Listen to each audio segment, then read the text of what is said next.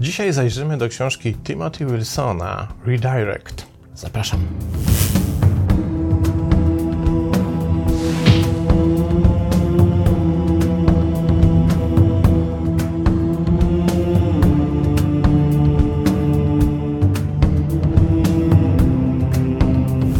Na początek spróbujmy się dowiedzieć, kim jest autor książki. Timothy Wilson jest profesorem psychologii Uniwersytetu Virginia i współautorem bestsellerowego podręcznika psychologii społecznej Social Psychology, obecnie na rynku już w siódmym wydaniu. Wilson publikował także artykuły w Science oraz w New York Timesie. Jego badania były finansowane przez National Science Foundation, National Institute of Mental Health oraz Russell Sage Foundation, a w 2009 roku został wybrany do American Academy of Arts and Science. Mieszka w Charlottesville, Virginia. Książka Redirect Changing the Stories We Live By, oznaczająca przekierowanie za pomocą zmiany historii, którymi żyjemy, które determinują nasze życie, została wydana w 2011 roku. Zebrała bardzo dobre recenzje. Stała się takim, według bardzo wielu recenzentów, krokiem milowym w psychologii w ogóle naszej kondycji mentalnej oraz psychologii zmiany. W 2015 roku ukazało się jej rewydanie elektroniczne, uzupełnione i odświeżone i uaktualnione przez autora, którym właśnie ja dysponuję. Czego dotyczy książka? Dla mnie niezwykle ciekawych rzeczy, ale posłuchajmy pierwszego fragmentu na początek. Powody, dla których ludzie robią to, co robią, są często tajemnicze i nie do końca uzasadnione. Czas najwyższy wypełnić te luki. Interpretacja naszych historii, którą wymyślamy, ma znaczenie, ponieważ dyktuje, jak się czujemy i działamy.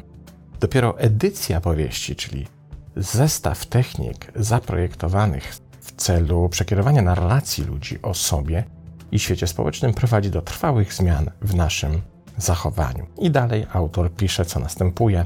Do tej pory widzieliśmy dwie formy podejścia do edycji opowieści: ćwiczenie pisania, w którym ludzie reinterpretują problem, pisząc o nim, oraz podpowiadanie historii, w którym ludzie są kierowani na określoną ścieżkę narracji z nadzieją, że wyzwoli ich to zderzenie samo okaleczającym wzorcem myślowym. Problem w tym, że te interwencje nie uwzględniają podstawowej przesłanki podejścia do edycji powieści, a mianowicie tego, że aby rozwiązać problem, musimy spojrzeć na niego oczami osób bezpośrednio w ten problem zaangażowanych, a nie tylko tych, którzy stoją z boku i tym bezpośrednio zaangażowanym podpowiadają, jak mają żyć i co mają robić. I to jest klucz, to jest podstawa, fundament tej książki, która mówi to, w jaki sposób my się zachowujemy, to, w jaki sposób organizujemy swoją życiową aktywność, zarówno w kontekście naszego społecznego rozwoju, społecznego udziału, relacji z innymi, jest efektem historii, które opowiadamy sami sobie w naszych własnych głowach. I to już wiemy, że te style narracyjne determinują to, kim się stajemy i kim jesteśmy. Jednak problem polega na tym, że te historie, na co zwraca uwagę Wilson, są jeszcze interpretowane. Można by powiedzieć, ta interpretacja to jest rodzaj wskaźnika, w jaki sposób masz rozumieć historię, którą sam sobie opowiadasz, jak ją masz interpretować. I problem w tym, że te interpretacje naszych historii w naszych własnych głowach bardzo często dostajemy niejako na talerzu, a czasem z przymusem od innych, z zewnętrznego świata. I to, w jaki sposób inni każą nam interpretować historię, powoduje, że my skłaniamy się nie do samych historii w kontekście ich znaczeń i rozumienia, ale do ich interpretacji narzuconych z zewnątrz. A te interpretacje, po pierwsze, są bardzo często już nieaktualne, zawierają całą masę luk, niedociągnięć, wpadek, pustych miejsc, rzeczy, których do dzisiaj nie rozumiemy, na przykład w psychologii społecznej, a mimo to kierujemy się takimi interpretacjami z zewnątrz, takim przesłaniem, które dostajemy od kogoś. I widać to w tak wielu obszarach, że to jest zatrważające, kiedy zaczynamy się o tym dowiadywać, bo dowiadujemy się, że nie dostrzegaliśmy tego dotąd, co stanowi codzienność naszego życia. Jednym z pierwszych obszarów, a właściwie dowodem na to, w jaki sposób to funkcjonuje, jest obszar dość dziwny, a mianowicie coś, co nazywa się zarządzaniem stresem w incydencie kryzysowym. Posłuchajmy autora. Po eksperymencie zespołu właśnie autora, czyli Wilsona, z dużą liczebnością próby okazało się, że to właśnie zarządzanie stresem w incydencie krytycznym nie działa w celu zmniejszenia stresu pourazowego. W szeregu badań losowo przedzielono osoby do poddania się lub nie poddania się zabiegowi, to była grupa kontrolna, i nie stwierdzono różnic między obiema grupami, a w niektórych przypadkach okazało się, że grupa kontrolna była w dużo lepszej sytuacji niż grupa, której, która poddała się właśnie temu zarządzaniu stresem. I ta lekcja dotyczy podejścia do edycji historii w takim samym stopniu jak każdej innej interwencji. A teraz wyjaśnijmy to, o co tutaj chodzi prostymi słowami. Na pewno słyszeliście nieraz i macie tego pełną świadomość, kiedy zdarza się coś złego. Ludzie giną w wypadkach. Jest na przykład wypadek w jakimś zakładzie pracy, jest wypadek autobusu. Coś się dzieje naprawdę makabrycznie złego. To jedną z takich najczęstszych interwencji, o której słyszymy w pierwszej kolejności, na przykład w wiadomościach, to, że zarząd fabryki, w której się stał ten wypadek, zapewnił rodzinom pomoc psychologów, albo rząd leci helikopterem na miejsce zdarzenia, łącznie z psychologami, którzy mają pomóc rodzinom czy tym pozostałym przy życiu osobom przetrwać ten kryzys. To się właśnie nazywa kryzysowa interwencja w tym incydencie krytycznym, jakim jest wypadek, przeróżne tego typu nieszczęśliwe, katastroficzne zdarzenia. I my się przyzwyczailiśmy do tego, że taka interwencja psychologiczna powinna mieć miejsce za każdym razem, kiedy dzieje się coś takiego właśnie złego. Tymczasem Wilson mówi, są badania, które pokazują, że ludzie, którzy doświadczyli takiej interwencji psychologicznej w ciężkich chwilach swojego życia, dużo trudniej znoszą to i dużo trudniej jest im pogodzić się z tym, czego doświadczyli później, niż ludzie, którzy nie doświadczyli takiej interwencji psychologicznej. Kurczę, zaskakujące, prawda? Myśleliśmy, że to jest niezbędny warunek tego, żeby komuś pomóc. Okazuje się nieprawda. Wilson ze swoim zespołem zrobili badania w sytuacji, w której dzieje się coś strasznie złego, interwencji psychologicznej, kryzysowej, zarządzania kryzysem właśnie w tym incydencie krytycznym, oraz ludzi, którzy zamiast tego zarządzania kryzysowego, zarządzania stresem przez psychologów, po prostu opisywali na kartkach swoje własne doświadczenia i robili to przez 4 dni. Codziennie opisywali to, co się zdarzyło, po to, żeby to oswoić, zaakceptować i zrozumieć to, co tak naprawdę się stało, czego doświadczyli. I wyobraźcie sobie, że ci ludzie, którzy tylko 4 dni opisywali swoje tragiczne historie na kartkach papieru, dużo szybciej sobie z tym emocjonalnie poradzili, dużo szybciej wyszli z tego kryzysu i w dużo mniejszym stopniu ten kryzys zostawił w nich emocjonalny ślad. Co nam daje ta wiedza? Po pierwsze, to, że przyzwyczailiśmy się do pewnych rozwiązań rzeczywistości, wcale nie oznacza, że one są lepsze. A po drugie, zwróćcie uwagę, na czym tak naprawdę polega ta interwencja kryzysowa, ta interwencja dotycząca zarządzania stresem w takich incydentach krytycznych.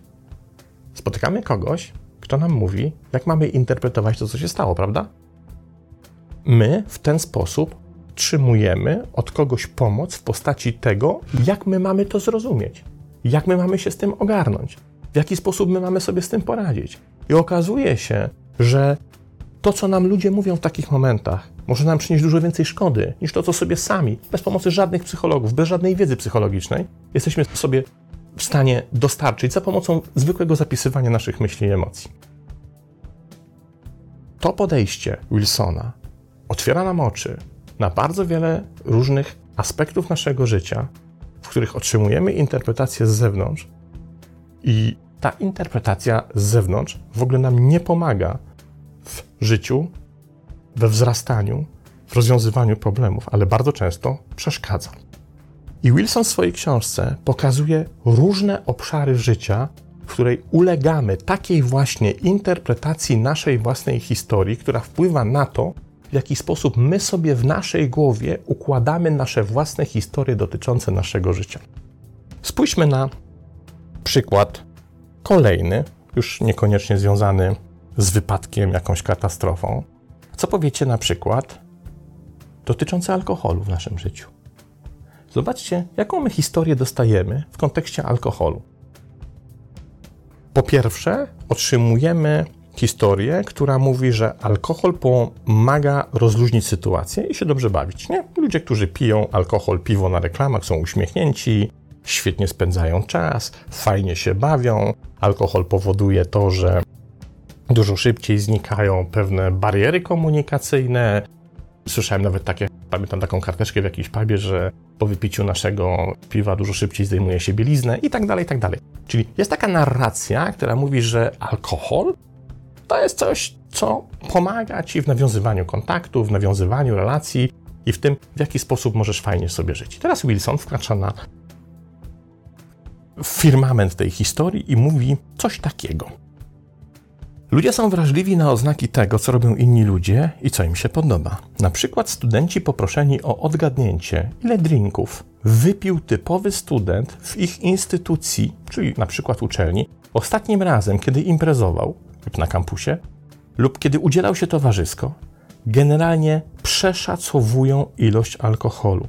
Aż 71% osób uznało, że dobra impreza to taka impreza alkoholowa, w której wypito olbrzymią ilość alkoholu, dużo większą niż w rzeczywistości wypito. Czyli kiedy słyszymy, że ktoś się dobrze bawił, że była super impreza, super zarąbisty, fajny pubowy wieczór, i gdyby nas zapytać, ile wtedy poszło piwa, to wskażemy dużo większą ilość niż w rzeczywistości poszło. Co skutkuje bardzo poważnymi konsekwencjami. Posłuchajmy. Biorąc pod uwagę siłę presji rówieśników, to błędne przekonanie może być dość konsekwentne. Innymi słowy, wiele osób przecenia, ile piją ich rówieśnicy, co sprawia, że piją więcej niż w innym przypadku, aby dostosować się do tej wyimaginowanej, ale błędnej normy. Nie oznacza to, że wszyscy piją tyle, ile myślą, że piją ich rówieśnicy, bo gdyby tak było, to prawdziwa norma na ich uniwersytecie byłaby taka, jak ludzie sobie wyobrażali. Ale oznacza to jedynie, że gdyby nie przeceniali ilości wypitego alkoholu przez innych, w rzeczywistości sami piliby dużo mniej. Ciekawe, prawda? Zobaczcie, oto otrzymujemy w głowie historię dotyczącą alkoholu. Na chwilkę zapomnijmy, czy nas bardzo szkodliwy, czy mniej szkodliwy, czy drastycznie szkodliwy. Na razie mówimy w ogóle o samym, samym piciu alkoholu. Mamy sobie w głowie jakąś historię na temat alkoholu, który łączymy z dobrą zabawą. Ta historia jest interpretowana przez te wszystkie sygnały i komunikatory zewnętrzne, które wzmacniają ten przekaz. Mówiąc, im więcej alkoholu, tym lepsza zabawa. Im więcej wypili, tym było fajniej, tym było jeszcze super wyczynowo. Zobaczcie sobie takie filmy typu Cats Vegas. Przecież to jest promocja ochlaństwa do nieprzydomności, robienia głupich rzeczy. Stąd na przykład w młodzieży bierze się przekonanie, że żeby się dobrze bawić, trzeba się maksymalnie spić. I teraz odpowiedzmy sobie sami, czy wypicie w wieku lat 18, 19, 20 pół litra wódki na głowę to coś pozytywnego? Albo litra wódki na głowę. Ponieważ ten młody człowiek myśli, że jak wypije litra, to będzie fantastycznie. Nie, nie będzie fantastycznie. Będziesz leżał zażegany i prawdopodobnie zatrujesz się alkoholem. To jest element interpretacji naszych historii, które ktoś nam wkłada z zewnątrz. Okej, okay, zostawmy alkohol. Robi się jeszcze grubiej. Posłuchajmy Wilsona dalej.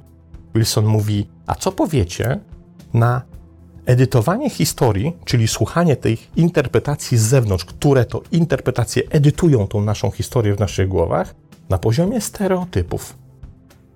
I przytacza badania, które zrobiono pod jego kierownictwem na dwóch grupach.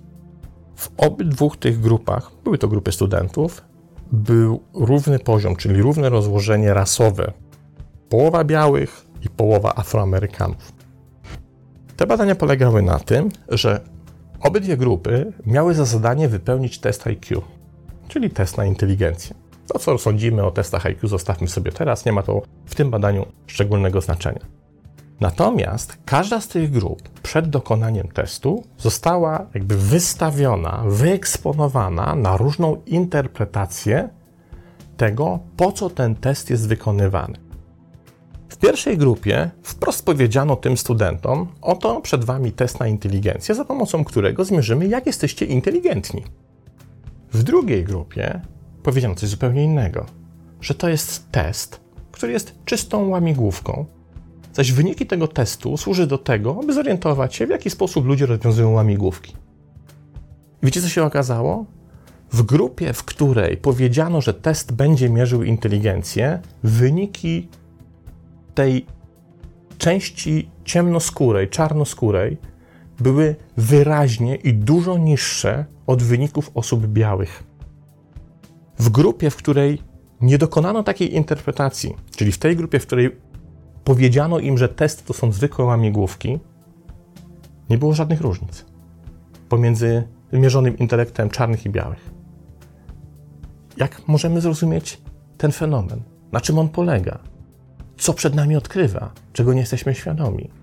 Otóż w tej grupie, w której powiedziano, że będzie mierzona inteligencja, te osoby czarnoskóre musiały się zmierzyć z powszechnym stereotypem głoszącym, że są oni mniej inteligentni od osób białych, a zatem przystępowali do tego testu już niejako z pewnym, z pewnym brzemieniem, które musieli unieść, udowodnić, że nie są głupsi, jak się ich o to podejrzewa. I sam ten ciężar, ta potrzeba udowodnienia tego, że nie są głupsi, spowodował, że te testy wypełnili gorzej od pozostałych. A teraz na chwilkę zapomnijmy o rasizmie. Na chwilkę zapomnijmy o społecznościach białych i czarnych i przenieśmy to na zupełnie inny grunt, o czym też pisze Wilson. Oto kobiety. Wyobraźcie sobie, że w danej firmie przygotowuje się test na umiejętności menedżerskie, umiejętności zarządzania zespołem. I mówi się tym pracownikom, których się testuje, oto przed Wami test na to, w jaki sposób jesteście w stanie zarządzać zespołem, jak dobrymi menadżerami jesteście.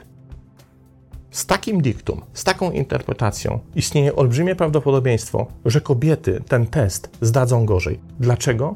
Bo one mają dodatkowe brzemię polegające na tym, by udowodnić, że nie są gorsze od facetów pod względem zarządzania, czy to pod względem bycia doskonałym, czy też dobrym menadżerem. Nie bierzemy takich rzeczy pod uwagę. Posłuchajmy Wilsona.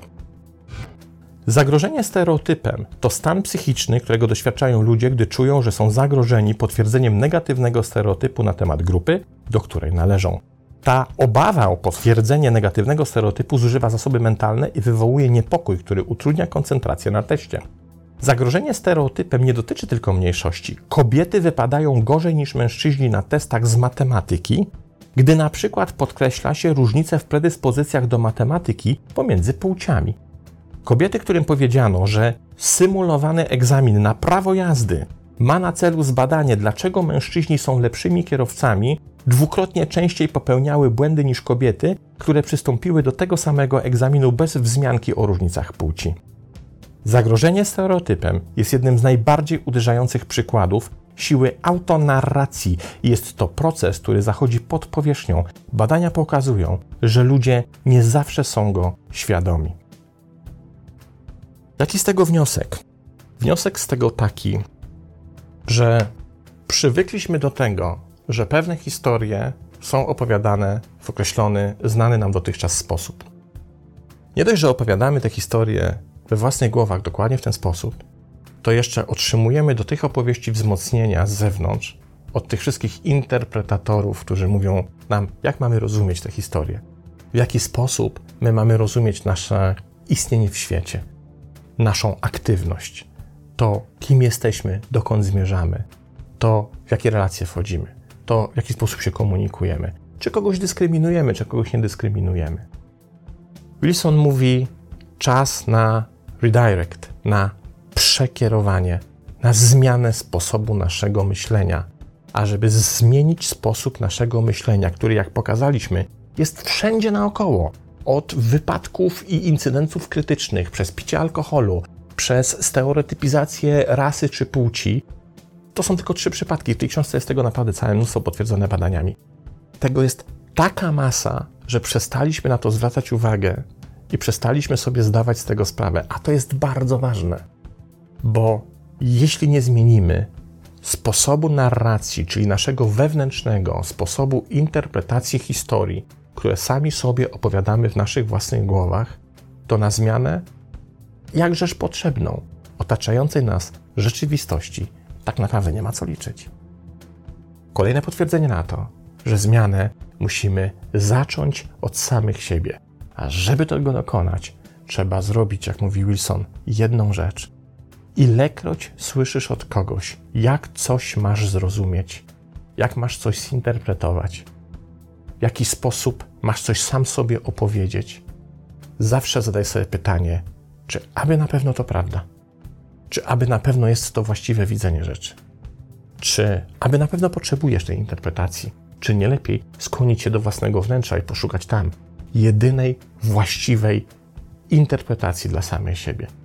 To tylko tyle, od tego trzeba zacząć, ale to milowy krok w rozwoju naszej cywilizacji. To tyle książka Wilsona, Timothy Wilsona Redirect, czyli zmiana historii, którymi żyjemy, na których się opieramy. 2011 rok i elektroniczna reedycja w 2015 roku. Przydałoby się, żeby w Polsce też się ukazała. Pozdrawiam i do następnego razu.